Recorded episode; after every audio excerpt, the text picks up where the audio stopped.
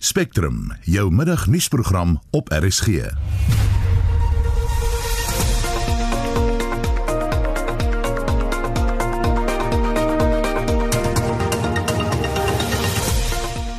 In die volgende uur departement van gesondheid sê byna 2 miljoen Suid-Afrikaners is reeds teen COVID-19 ingeënt. Die Wes-Kaap is nou in die greep van 'n derde vlaag van COVID-19 infeksies en die rand het effens verswak na die aankondiging deur die Amerikaanse Federale Reservebank dat hy dalk vroeër as voorspel rentekoerse gaan moet verhoog. Goeiemiddag, die redakteur is John Estreisen, produksieregisseur Evert Snyman en ek is Susan Paxton.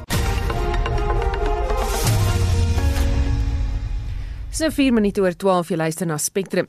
Die Weskaap het meer as 9000 positiewe gevalle van COVID-19 wat 'n toename is van meer as 3000 sedert verlede week. Die gesondheidsowerheid sê sosiale byeenkomste is een van die hoofredes vir die vinnige verspreiding. Tanya Krause doen verslag. Die hoof van die Weskaapse Gesondheidsdepartement, Dr Keith Kloete, sê wat eers net klein groepies van infeksies was, kan tot sosiale byeenkomste nagespoor word. Dit sluit onder meer familiebyeenkomste, partytjies en begrafnisse in. Hy sê byeenkomste is een van die groot verspreiders wat gelei tot 'n toename in gevalle.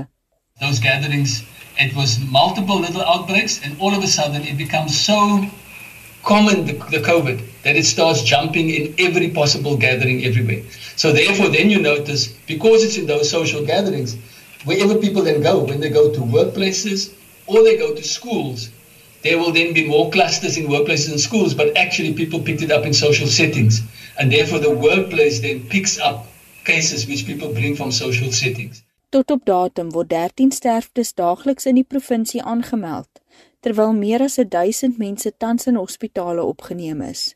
Die Wes-Kaapse premier, Ellen Windey, sê die provinsie is ongeveer 'n maand agter Gauteng se derde vlaag, maar as mense se optrede nie verander nie, sal daar nog infeksies wees. You can see those numbers going up every single day.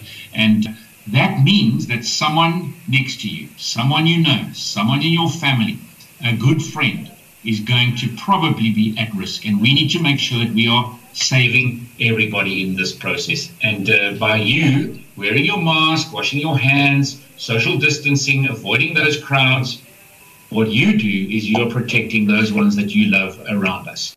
Dr Kloete sê die inentingsprogram gaan voort en na gesprekke met nasionale regering sal die provinsie van volgende week af 'n groter hoeveelheid dosisse ontvang.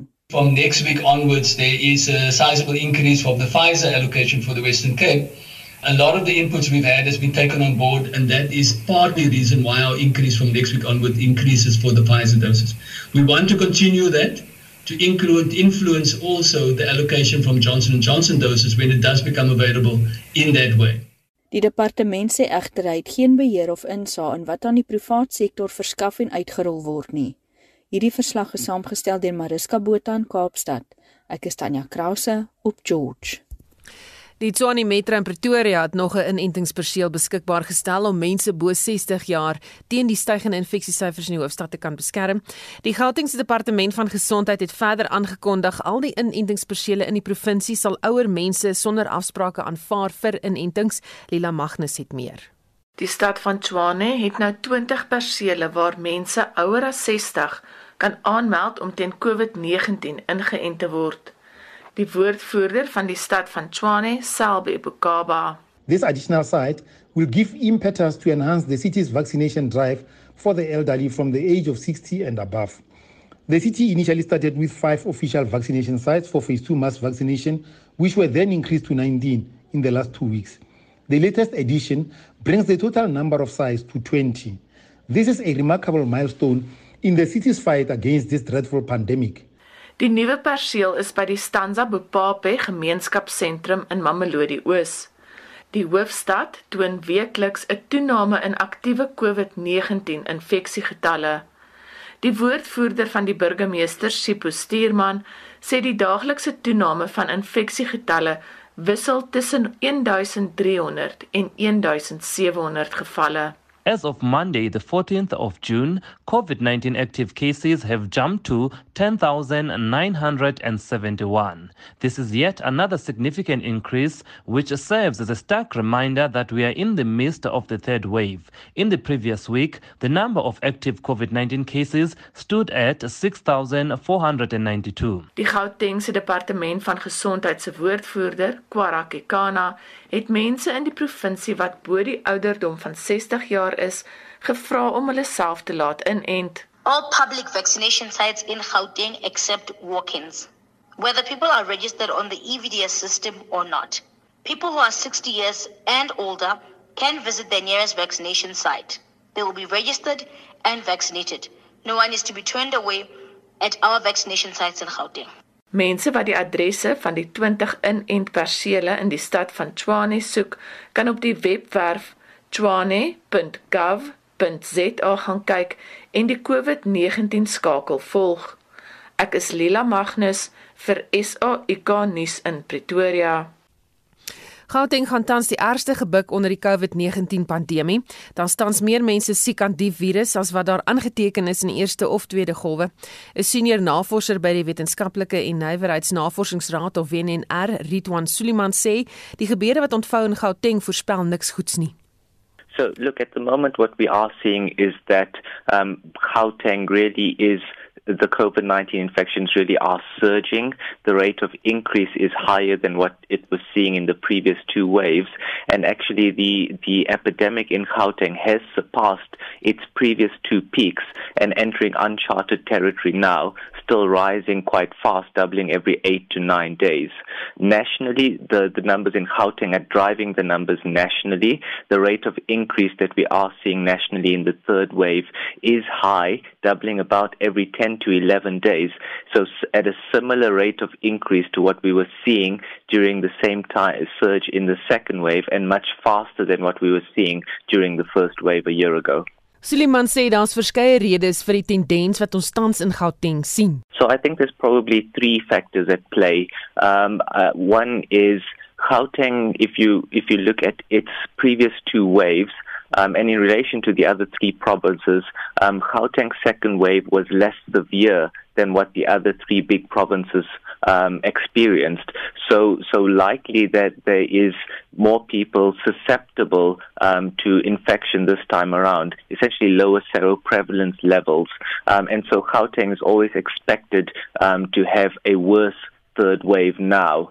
Um, I think also factors such as uh, mobility, uh, movements, behaviors, and also gatherings have triggered um, what we are seeing and the increase that we are seeing, um, even though it was always expected that we are going to see this third wave um, at this stage during our winter months, given the trajectory and the timings of the previous two waves, I think um, lower natural immunity plus extra movement and an increase in gatherings of late have triggered what we are seeing, particularly in Gauteng. Hy waarsku dat mense sover as moontlik moet hou by regulasies en hulle self beskerm teen COVID-19. Indeed, we do need to be incredibly careful and and uh, remain vigilant at, at this stage, particularly in Gauteng.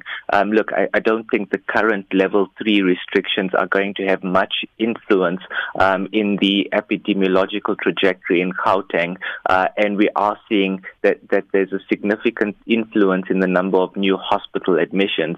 Therefore, what we need to do is try and slow down the rate of of, of spread, limit the severity of the peak, um, essentially flatten the curve so that we don't overwhelm the hospitals such that people can still get the best access to healthcare facilities so that we can ultimately save as many lives as possible.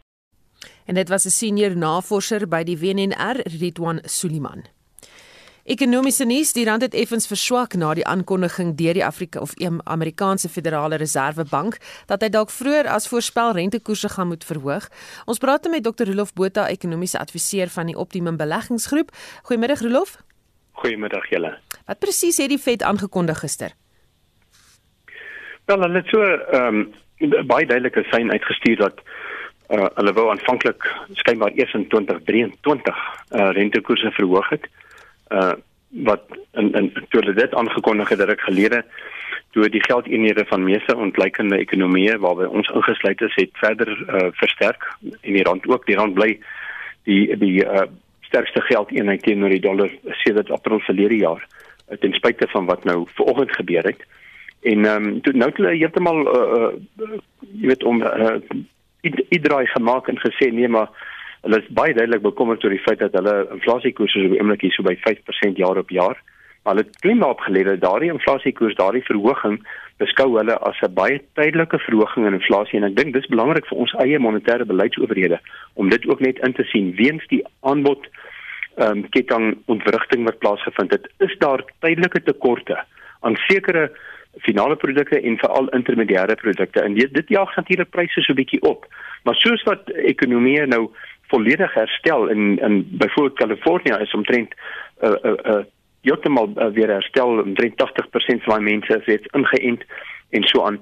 Uh, dan dan gaan daardie uh, ontwrigting verdwyn uit die organisasie en dan sal pryse weer afkom. So ek's 'n bietjie verbaas daaroor en dit is nie asof rentekoerse in Amerika nou gestyg het nie. My waarheid sê uh, in die laaste 2 maande het die uh, 10 jaar uh, Amerikaanse hy gedaal van nie by 1.7% na 1.5%. So wat was die impak op die rand toe die aankondiging kom? O, die rand het seer gekry. Ehm um, as ek net so vinnig loer eh, die Meksikaanse geldeenheid het nou praat nou van sy sy hoogtepunt in die eerste week van Junie af het die Meksikaanse geldeenheid met so byna 4% verswak nou uh, in 'n baie kort tydperk ons het met meer as 4% verswak maar wat baie belangrik is en ek dink die luisteraars uh, kan uh, dit uh, gerusstellend vind is dat die euro het het nou in 'n in 'n kwessie van 'n paar dae met 2,4% ehm um, teenoor die Amerikaanse dollar verswak. Nou dit het baie lanklaas gebeur.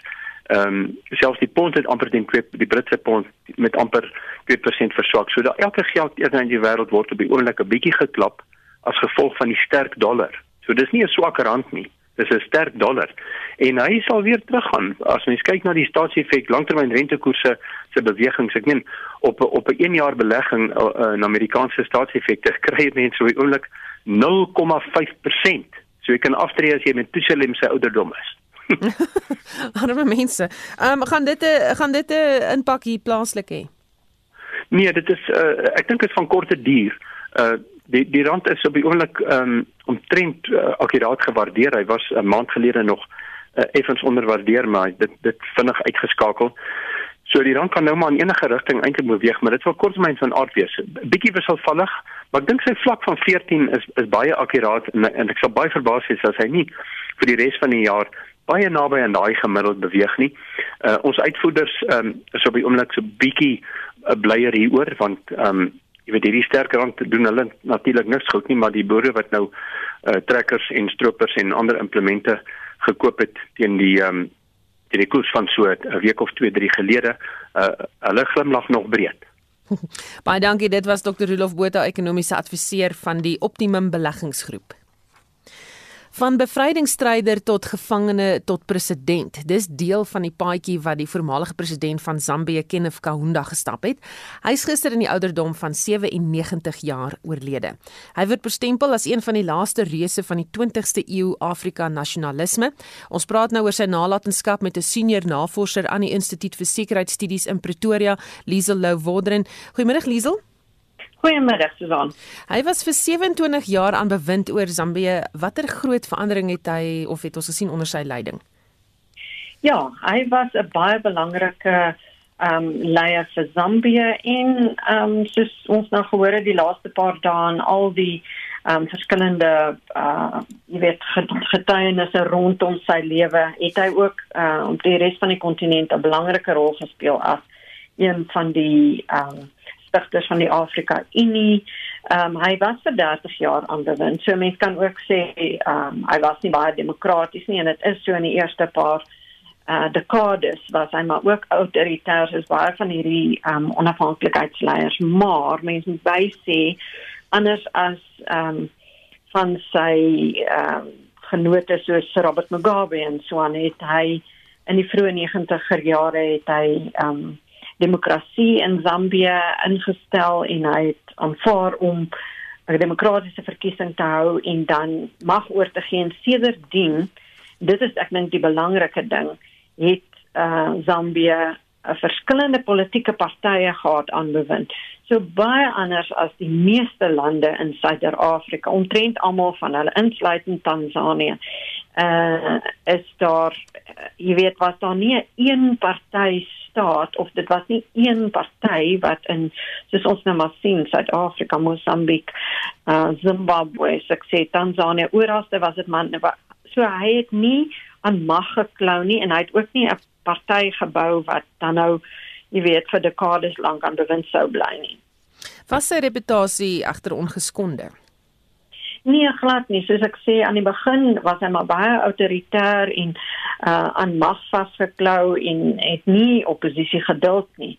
Uh jy weet, maar in die later jare, ek dink definitief wat uh Kaunda kenmerk en waarvoor um die streek en die kontinent hom altyd dankbaar sou wees is dat hy um in Zambië uh, na onafhanklikheid het hy um huisvesting gegee vir die onafhanklikheidsbeweging soos die ANC, ZANU-PF, uh Frelimo al daai bewegings was in Lusaka huisves onder baie baie druk die gewone Zambiërs was baie ongelukkig hieroor om of baie van hulle was ongelukkig omdat ehm um, dit Zambië absoluut in gevaar gestel het. Jy weet, die uh, apartheidsregering het aanvalle geloods op lande in die streek wat nou byvoorbeeld die ANC gehuisves het.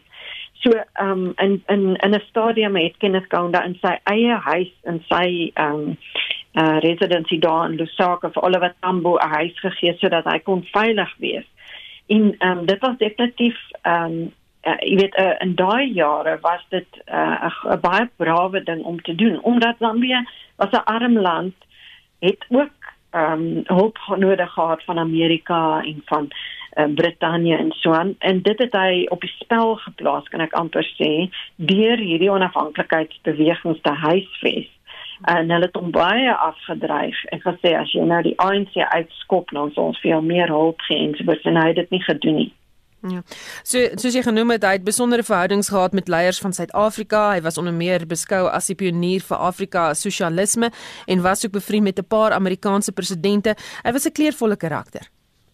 Ja, baie kleurvol. Jy weet, ehm um, mense het nou die laaste tyd op Twitter daai fotootjie of die video gespeel van hoe hy daar by ehm um, uh, Mandela se begrafnis seremonie opgetrippel het en weet met sy uh, tradisionele wit ehm um, ehm um, ehm um, fadukia uh, weet wat hy altyd so geswaai het jy weet 'n toespraak baie roerende toespraak gemaak het en ek het homself al baie geleenthede gesien jy weet ehm um, by byvoorbeeld een van die eerste Afrika Unie berade in Mosambik kan ek onthou. Jy weet dat hy hy ag hy was net ehm um, 'n absolute 'n um, leier wat ehm um, mense weet ehm um, baie baie respek voor gehad het reg oor die kontinent en het het verhoudinge gebou en was baie keer 'n bemiddelaar wanneer daar krisisse was en so aan. En dit is hoekom mense so geskok was toe sy um opvolger nou Frederik Chiluba vorm daarvan beskuldig dat hy nie Zambië is nie want hy pa kom van Malawi. Is 'n totale absurde soort van 'n aantuiging. Hulle wou hom toe verhoed om aan 'n verkiesing deel te neem. Uh, ek dink dit was in die middel 1990. Jy weet so self uh um in toe het al die leiers soos Mandela en almal het toe um bymekaar gekom en en druk uitgeoefen op Chiluba om om nie dan jy weet dit te laat gebeur nie want dit was politieke ry en baie duidelik. Ehm um, so ja, hy het 'n groot rol gespeel en selfs nadat hy nou afgetree het, jy weet, ehm um, gereis in in Amerika en so aan het hy ehm um, uh ek dink 'n groot rol gespeel om soort van ander Afrika leiers uh, te mentor uh, as sulks. Baie dankie. Dit was 'n senior navorser uh, van die Instituut vir Sekuriteitsstudies in Pretoria, Liesel Lou Wonderen, wat gepraat het oor uh, die voormalige president van Zambië, Kenneth Kaunda, en hy is gister in die ouderdom van 97 jaar oorlede. Die polisie in Mpumalanga sê ondersoek aanklagte van moord en poging tot moord na die 57-jarige Petrus Sydney Mabuza in sy motor in Hazyview doodgeskiet is. 'n Omstander is ook in die skietery gewond. Mabuza, wat ook in sekere kringe as Mr Big bekend gestaan het, sou teregstaan op verskeie aanklagte wat verband hou met renosterstroopry. Hy is ook beskou as 'n baasbrein agter stroopry syndikaate in die gebied. Die polisiewoordvoerder in Mpumalanga, brigadier Lennard Klati, sê die motief vir die aanval is onbekend. Some men came and shot at him while he was in his car. So we are investigating also this case. Yes, we can mention that there are cases that related to rhino poaching that were being investigated by the Hawks against him. However, at this moment, we don't want to go far. A case has been opened already for the purpose of investigation. Those that saw what happened there, if it's possible that they do have information relating to the suspects that are involved, we are welcoming them so that they can they can assist us with the investigation. Mabuza se motor was geparkeer naby 'n vulstasie in Hazyview toe 'n swart Volkswagen Polo langs sy bakkie ingetrek het. 'n Groep mans het uitgespring en op die voertuig begin losbrand.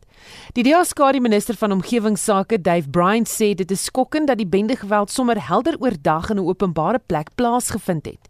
Well, I mean the news did come as quite a shock. Even though um, the individual in question um, was suspected to have been involved in a number of um, uh, criminal activities and had been in and out of court, it's still very, very shocking for us to see such brazen violence taking place uh, in a public space um, in full view of people around and obviously putting you know the public in danger at the same time.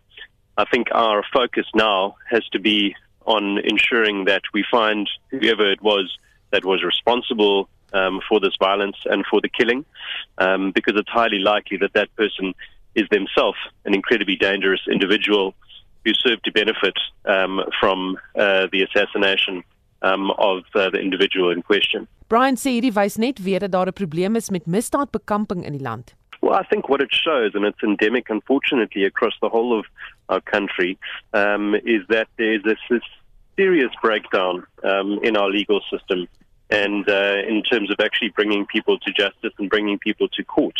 Um, not only has this case dragged on for an incredibly long period of time, but it's also clear that the individual who uh, was involved, who may have also had information uh, that could have led to the arrest and prosecution of other people, that that individual was clearly not protected.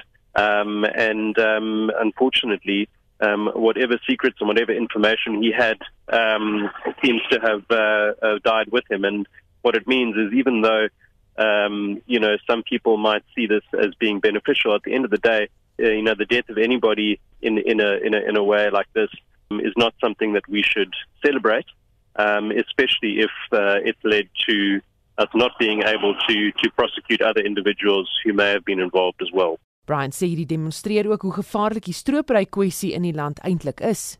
Well, I think it's something which uh, you know we've been saying for a very long time is that rhino horn is incredibly valuable. It's more valuable than gold or cocaine um, in the Far East, and because of that, you have very, very powerful and very dangerous criminal syndicates um, operating uh, in this space.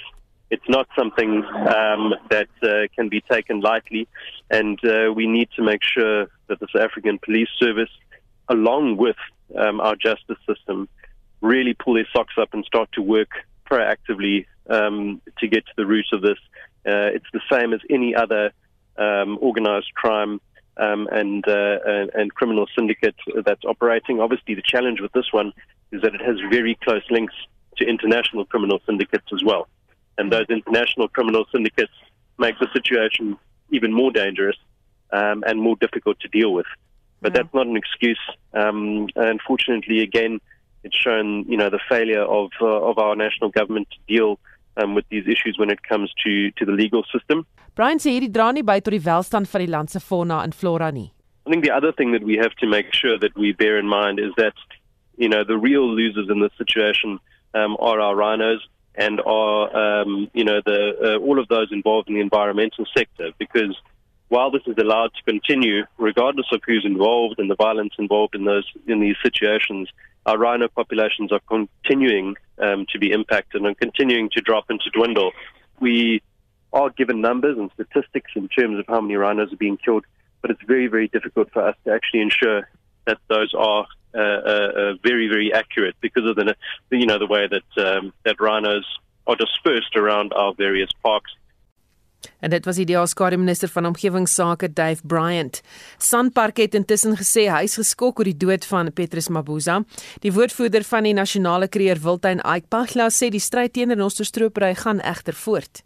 South African national parks welcomed the sentencing of a rhino poacher to a total of 23 years in prison for rhino poaching and other offences by the Skukuza Regional Court prosecuting team on the 17th of June 2021. Alsone Alberto Baloi, an illegal immigrant from Mozambique, pleaded guilty in the Skukuza Regional Court to six rhino poaching related charges after he was arrested inside the Kruger National Park in November of 2016. In addition, Rangers have been able to arrest three more suspects in the past seven days and take out two high caliber rifles out of circulation. We congratulate the prosecuting team, the rangers, and all those involved in these activities to protect our natural heritage, especially the tourists who were vigilant and provided crucial information which led to the arrest of poachers. Sunpax is also shocked at the brazen killing of a suspected rhino poaching kingpin who was due to go on trial soon to face numerous rhino poaching charges. Dit was die woordvoerder van die nasionale kreer Wildtuin Ike Pagla. Spectrum, jou middagnuusprogram op RSG.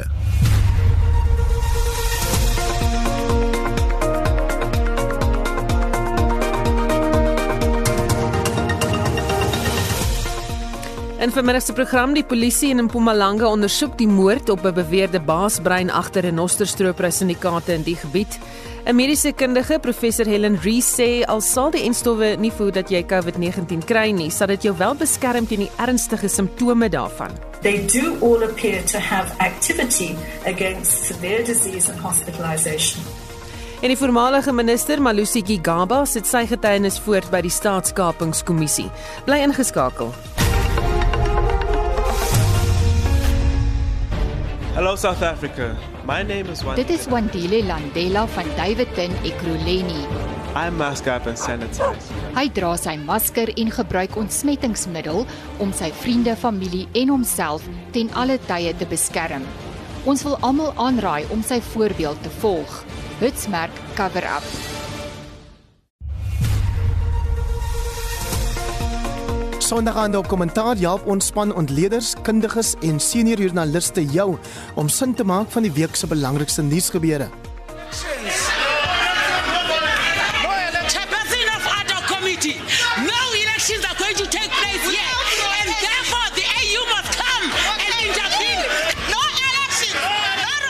Skakel in as jy die koning van die kaf en die feite van die fopnuus wil onderskei.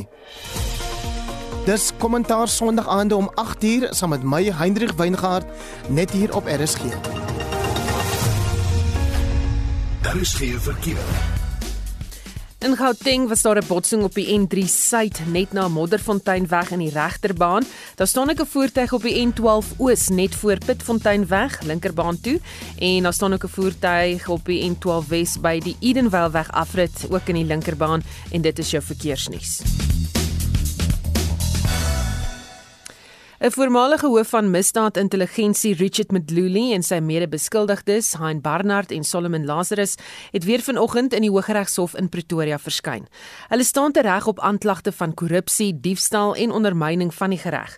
Ons praat nou hieroor met ons verslaggewer in Pretoria, Lila Magnus. Goeiemôre Lila. Goeiemôre Suzan en goeiemôre aan die luisteraars. Waarmee presies hou die aanklagte verband?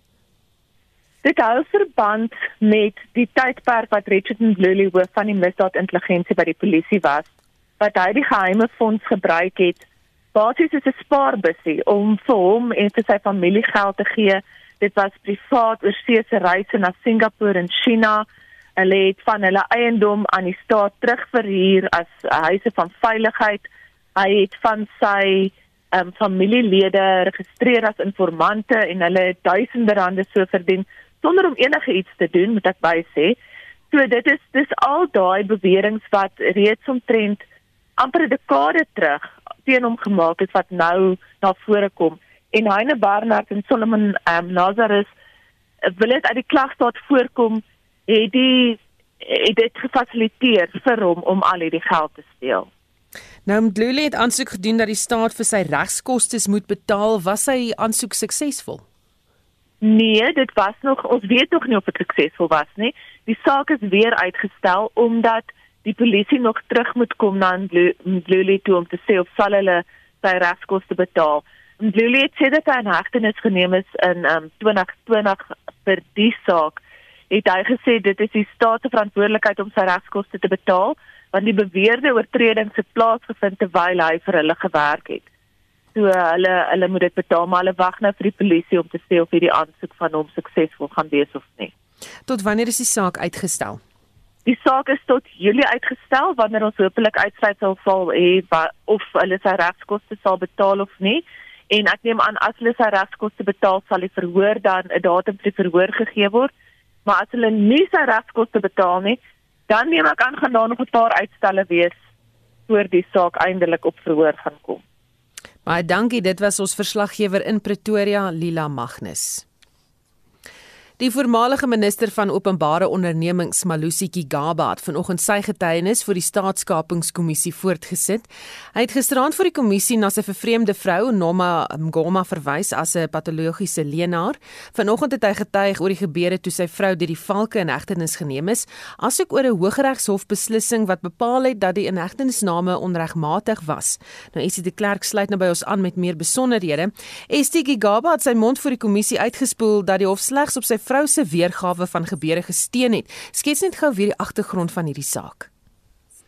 Susan in Julie verlede jaar is klagte van krimin in Joria en set, opsetlike saakbeskaniging teen Ngoma gelê nadat Kigaba haar daarvan beskuldig het dat sy 'n duur Duitse motor beskadig het wat behoort het aan iemand wat hy geken het.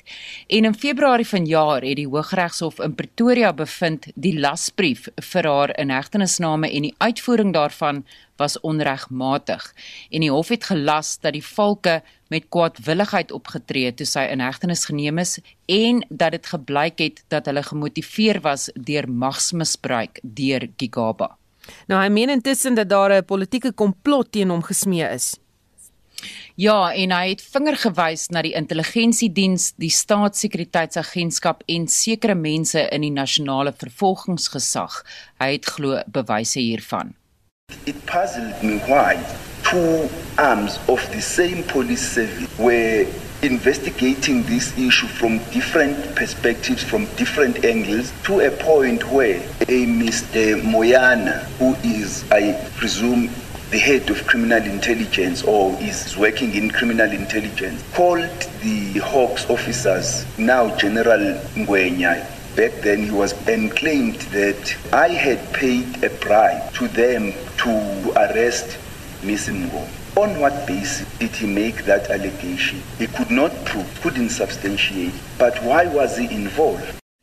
Estie Gigaba het volgehou dat hy sy vrou deurgangs bygestaan het. Vertel ons daarvan.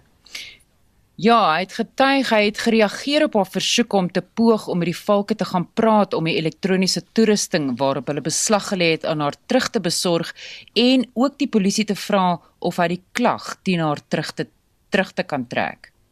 When the Hawks came on the 31st of July and insisted that they were now going to arrest her. I think even by her own testimony before the commission, Ms. Ngoma indicates that even on that date, I spoke to her attorney, Mr. Nkwashu, and, and, and went to the police station and indicated that I would like to withdraw the case. And again, the Hawks, the police indicated that no, you can't withdraw the case because you are not the one who laid the charge. And I further was there throughout that Friday, assisting her with whatever she needed, uh, clothes and food and stuff like that. Gigaba het volgehou dat die kommissie hom nie kan uitvra oor die hofsaak wat na die inhegtenisname gevolg het nie omdat hy nie deel was daarvan nie en regter Zondo het probeer om hom gerus te stel. Whatever makes of the judgment, one has got to remember that you are not party to the case and the judge did not have your version. Well, that will have to be borne in mind. Uh, thank you, Chairperson, and that is why I'm saying the question or the statement put to me by the evidence leader cannot therefore go unchallenged because the police were not invited to come and uh, perform an act with an ulterior motive. If it is the opinion of the commission that a threat to my life is less important, uh, then that would be unfortunate. Nou op die oomblik is Gigaba besig om te getuig oor Transnet verwante kwessies. En dit is Essie de Klerk wat die verrigtinge by die staatskapingskommissie vir ons dophou. Die departement van gesondheid sê byna 2 miljoen mense is reeds teen COVID-19 ingeënt. Die waarnemende minister van gesondheid, Mamaloko Kubai Nkubani, het vanoggend 'n media-konferensie gehou oor die land se stryd teen COVID-19 en die inentingsplanne. Dit sluit onder meer in om die Sinovac en Sputnik enstowwe vir Suid-Afrika aan te koop. Annelie Janse van Vuren berig. Kubai Nkubani sê Gauteng is 'n groot kopseer vir die gesondheidsdepartement. Al werk hulle saam met die provinsie om die gevalle hier te probeer afbring, styg dit steeds. Sy sê hulle glo massabetogings dra by tot die verspreiding van die virus.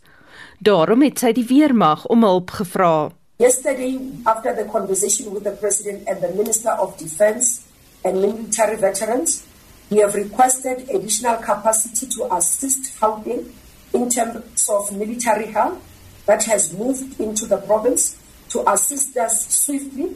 And I want to appreciate the minister, together with the defense military help, who have responded swiftly when we called them yesterday afternoon to say, please come and help us in Gauteng. Gubain Gubane het bevestig dat 300 000 dosisse van die Johnson & Johnson enstof gister in die land aangekom het. Volgens haar het hulle baie lesse geleer oor hoe mense in te ent. Currently, we are not ready to be well. I must be upfront about it in terms of registration and vaccination. And we are looking at mechanisms to be able to intervene so that we can fast track. One has gone through the research reports that were uh, produced by HSRC together with UJ, where they were studying communities to understand whether communities are buying into our vaccine program, whether there's consent from communities. Die adjunkdirekteur-generaal van die departement van gesondheid, Nicolas Crisp, sê hulle sal dadelik met twee inentingsprogramme begin. In die eerste program sal onderwysers met entstowwe uit die FSA ingeënt word. Hulle hoop om hierdie program binne 10 dae te voltooi. Altogether in that sector, there are 582,000 people. That's the public and the private basic education sector including all those employed on Purcell, the SGBs, and the private educators. Many of these people uh, have already been vaccinated, some because they're over 60 and some because they work as psychologists and others who are registered as healthcare workers. But the majority of people obviously still need to be vaccinated. Crisp sê die tweede inentingsprogram fokus op veiligheidslede soos die polisie. Daarna sal die departement van verdediging en die tronke volg. So there will be sites at police stations. They are working together with pharmacies who have licenses and are designated points for the delivery of the vaccines. And there's a service provider working with the South African Police Services for vaccinating members. Nadat hierdie programme uitgerol is, gaan die departement van gesondheid begin om mense van 40 jaar en ouer by hul werksplekke in te ent. Dit sluit ook werkers in die informele ekonomie, soos die taxi-bedryf in. So sê 'n departementele verteenwoordiger, Barry Kisnasami. There'll be bulk uploading of the workers onto the EDS, of course, after being consented either by the HR uh, Human Resources Department, but scheduling of vaccinations will be internal to the workplace site, going by the age band. So bulk uploading is 18 years and above, but scheduling for the vaccinations will follow the age bands. Die president van die Suid-Afrikaanse Mediese Raad, professor Glenda Gray, sê nie een van die enstowwe is 100% doeltreffend nie. Maar al sal die J&J asook die Pfizer enstof nie verhoed dat jy die virus kry nie, sal dit jou wel beskerm teen die ernstigste simptome daarvan. Die voorsitter van die Suid-Afrikaanse Reguleringsowerheid vir Gesondheidsprodukte, oftewel SAPRA, professor Helen Rees, stem saam. None of these vaccines were initially developed to be effective against the variant, what we call the beta variant that we have circulating in South Africa. They were all developed against the original virus that came from Wuhan. And what we are seeing with all the vaccines, to a greater or a lesser extent, that their effectiveness is altered by the variant circulating in South Africa. What that means is they all appear to be somewhat less effective, but they do all appear to have activity against severe disease and hospitalization. Ries het verduidelik wat SAPRA se rol is en hoe hulle bepaal watter enstowwe om na Suid-Afrika in te voer. And what we have to do in the case of vaccines is ensure that vaccines are safe, that they're of good quality, which means that they're manufactured properly. And by the time they arrive in this country, if they come from other countries, that they are still of a very good standard and that they're effective. The question then is where are we with the applications? So far, the vaccines that have been approved by SAPRA for emergency use is AstraZeneca, Pfizer, and J&J. The vaccines that we have in the pipeline are the Sputnik vaccine and the Sinovac vaccine. Other vaccines that people have been asking about are not under review because we don't have an application for them. And so that's things like Novavax, Sinopharm, the Cuban vaccine that we've been hearing a lot about.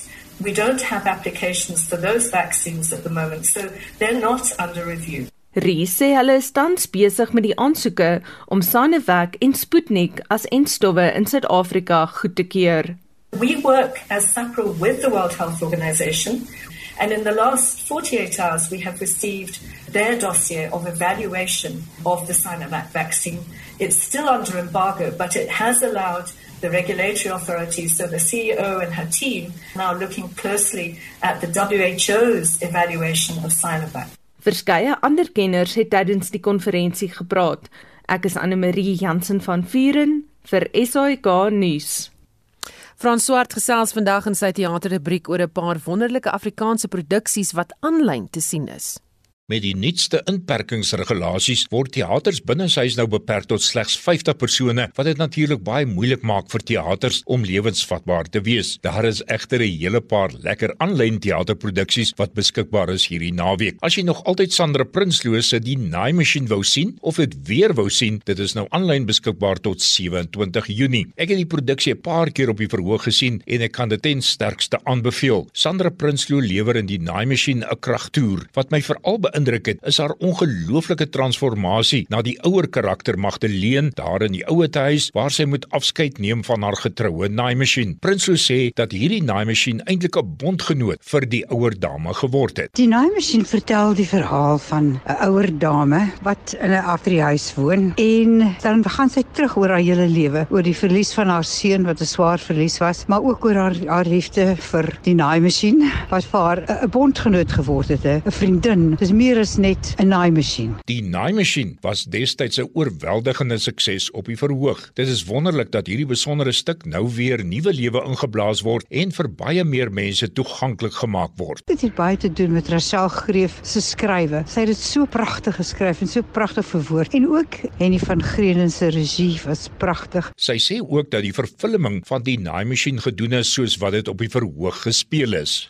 Dit was anders as 'n ander tegniek, maar die stuk is nog steeds opgeneem as 'n teaterstuk. Die naaimasjien met Sandra Prinsloo is aanlyn te sien tot 27 Junie en besprekings by Quicket. Marion Holm en Margit Meyer Rodenbeck is ook in 'n aanlyn teaterproduksie te sien. Die voordele van eierwit. Marion Holm sê dat met die inperkings kon hierdie produksie nooit op toer gaan nie. Die voordele van eierwit het gespeel by die feeste. En toe besluit ons dan gaan ons dit toer deur die land. En toe kom die ou virusie. En toe kan ons nie meer toer nie en toe dink ons nou maar kom ons wag net. Sy sê ook dat die titel nogal aandag trek want dit was haar karakter se missie om te bepaal waarvoor eierwit alles voor aangewend kan word. Die skrywer is Retico en Retief het vir my karakter daai goed ingeskryf. Jy weet elke dan en wan dan 'n nuwe ding wat al die mense doen. My karakter volg al hierdie goed. En ten tye van wat hulle dan nou vassit in die huisbak, is sy besig met al die voordele van eierwit. Die voordele van eierwit is aanlyn beskikbaar tot 30 Junie en besprekings by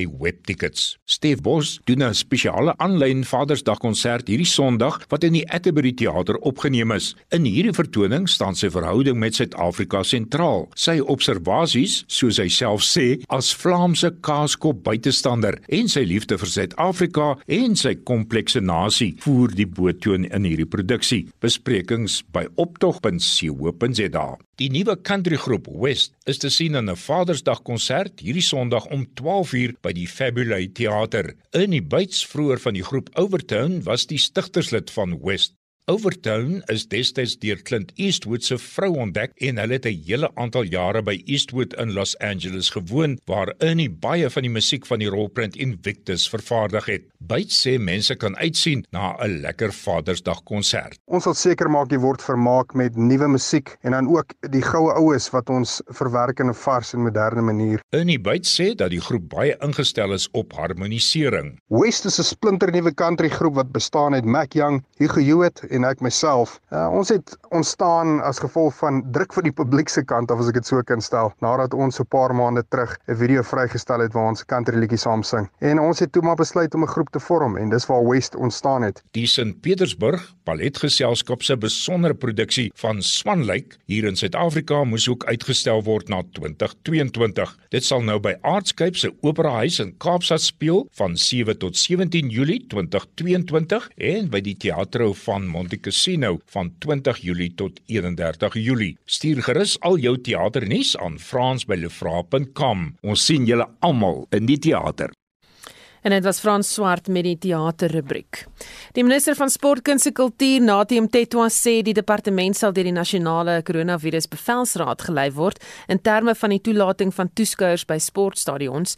Vier van die land se 9 provinsies beleef reeds 'n derde vlaag COVID-19 infeksies. Volgens die nasionale gesondheidsdepartement versprei die virus in die derde vlaag vinniger as tydens die eerste en tweede vlaag, het sy deklar doen verslag. Ntetwa tydens 'n media-konferensie van die ministeriële raadgewende span gesê die koronavirus bevelsraad sal raad gee oor wanneer stadiums weer gevul kan wees. We'll do whatever we are doing based on that guidance. We've got to balance the saving of lives and, and sustaining livelihoods. But we are not going to do anything outside of what government is doing as a whole. Die ministeriële raadgewende span wat saamgestel is deur die departement van sport, kuns en kultuur, het ten doel om die uitdagings in die sektor aan te spreek. Die span is in gesprek met die inkomste diens om verligting te bring aan kunstenaars wat nie inkomste verdien het tydens die inperking nie. 'n Verteenwoordiger van die raadgewende span, Sharif Beyker, sê hulle moedig georganiseerde groepe wat kunstenaars verteenwoordig aan om met die span te vergader om van die uitdagings in die kunstenaarsbedryf te bespreek. There are some of the uh, corporate sector that are willing to assist us in creating an opportunity where they can work with us to upskill our creative sector as well. Not just here's a five rand, go do something. They want to get involved to try and create intervention and stimulus for our sector. Ntetwa sê die koronavirus bevelsraad sal ook bepaal wanneer kunstenaars weer volstoom met vertonings sal kan voortgaan. Die verslag is saamgestel deur Rorisani Setole en ek is Estie de Klerk vir SAK nuus. Inwoners uit 107 dorpies in die Moses Kotani munisipaliteit in Noordwes het na die burgemeesterskantoor opgeruk. Hulle eis dat die burgemeester juis weens korrupsie en swak dienslewering afgedank moet word. Die voorsitter van die Moses Kotani diensleweringsforum wat die betoging gereël het, Junior Matlapeng sê dienslewering in die gebied moet opgeskerp word. We are fighting for the due cause that one in 2011 there was a budget that was allocated which is about uh, 315 million. That has been misplaced. And as such we are asking that uh, the municipality we want the whole leadership of municipality of Moses Kotan to step down. The provincial government we've written letters to them. We have written letters to the members of the province and they told us that there's nothing that they can do we have written to the minister of transport as well so we are asking for intervention from the public protector as well. En dit was Junior Matlapeng, voorsteur van die Moses eh, Kotani Diensleweringsforum. Anne Maria se van 4 en net vir ons opsomming van Spectrum se hoofstories. Susan, die waarnemende minister van gesondheid, Mameloko Kubain Kubane, sê hoewel hulle bekommerd is oor die hele land, gee Gauteng haar grys hare. Daarom het sy die weermag gevra om in te gryp. Yesterday, after the conversation with the President and the Minister of Defense, we have requested additional capacity to assist Gauteng in terms of military help that has moved into the province to assist us swiftly Die hoof van die Wes-Kaapse Departement van Gesondheid sê intussen, Kief Kloete, dat die provinsie se derde vlaag COVID-19 infeksies kan toegeskryf word aan sosiale byeenkomste. Those gatherings, it was multiple little outbreaks and all of a sudden it becomes so common the, the COVID that it starts jumping in every possible gathering everywhere. So therefore then you notice because it's in those social gatherings wherever people then go when they go to workplaces or they go to schools there will then be more clusters in workplaces and schools, but actually people picked it up in social settings. En dan laastens, die Kaapse minister van ekon finansies en ekonomiese aangeleenthede David Meyer het saam met die Wes-Kaapse regering hulle planne om die Kaapstad hawe reg te ruk bekend gemaak. Die minister Meyer sê een van die struikelblokke is dat gebruikers van die hawe tot 146% hoër tariewe betaal as elders in die wêreld. Key to our submission is the fact that the Port of Cape Town users are currently being charged excessive costs that are 146% higher than the global sample average. Yet our poor operational performance puts the Port of Cape Town near the bottom of global rankings. This impacts considerably on the global competitiveness of the Port of Cape Town. En dit was die Kaapse minister vir ekonomies en finansiële aangeleenthede geleenthede David Meyer. Dis Anna Marie Jansen van Vier met 'n samevatting of vatting van vandag se nuus. Die restaurantevereniging van Suid-Afrika, die skuif na vlak 3 optimisties verwelkom in gevolge die strenger regulasies sal restaurante om 9 uur saans hulle deure moet sluit. Die bestuurshoof van Rasa, Wendy Albert sê hoewel hulle steeds kan oop bly, is daar faktore wat hulle bekommer. As the restaurant industry faces the third wave of COVID, we are very concerned about the impact that it's having on our industry yet again. So, whilst we are certainly very committed to playing our part with government in ensuring we can bring the numbers down, it also has massive financial and economical impact on every business in the sector.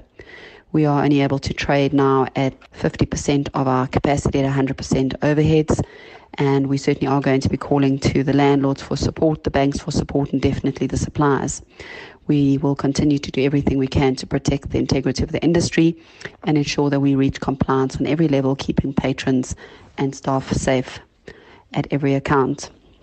It's very important that we keep our businesses trading, and we're appreciative that government has heard our pleas not to interrupt our businesses abruptly, and also to recognise that the industry is committed to playing our part in the role of keeping the numbers low with COVID.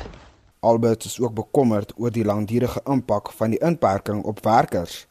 Dit omdat die regering nog nie enige hulpverleningsskemas vir hulle aangekondig het nie. The staff that are now being put on unpaid layoff or temporary layoff need to have access to TERS and UIF, which government certainly hasn't opened levels of conversation with us. So we see, certainly need to have these essential conversations and we need to get clarity on how we'll move through the next couple of weeks and months. And the vaccination program is obviously very imminent to the success of the downturn of COVID within our businesses. So we certainly are appreciative that uh, government has allowed us to trade through this time. Dit was Wendy Alberts, die bestuurshoof van die restaurantevereniging van Suid-Afrika. Ek is Vincent Mufokeng vir SAK nuus. Onthou vorige uitsendings van Spectrum is beskikbaar op Potgooi. Gaan net na RSC se webblad by www.rsg.co.za. Ons groet namens ons waarnemende uitvoerende regisseur Wessel Pretorius, die redakteur vandag John Estreisen en produksieregisseur Evert Snyman. My naam is Susan Paxton en bly ingeskakel vir 360.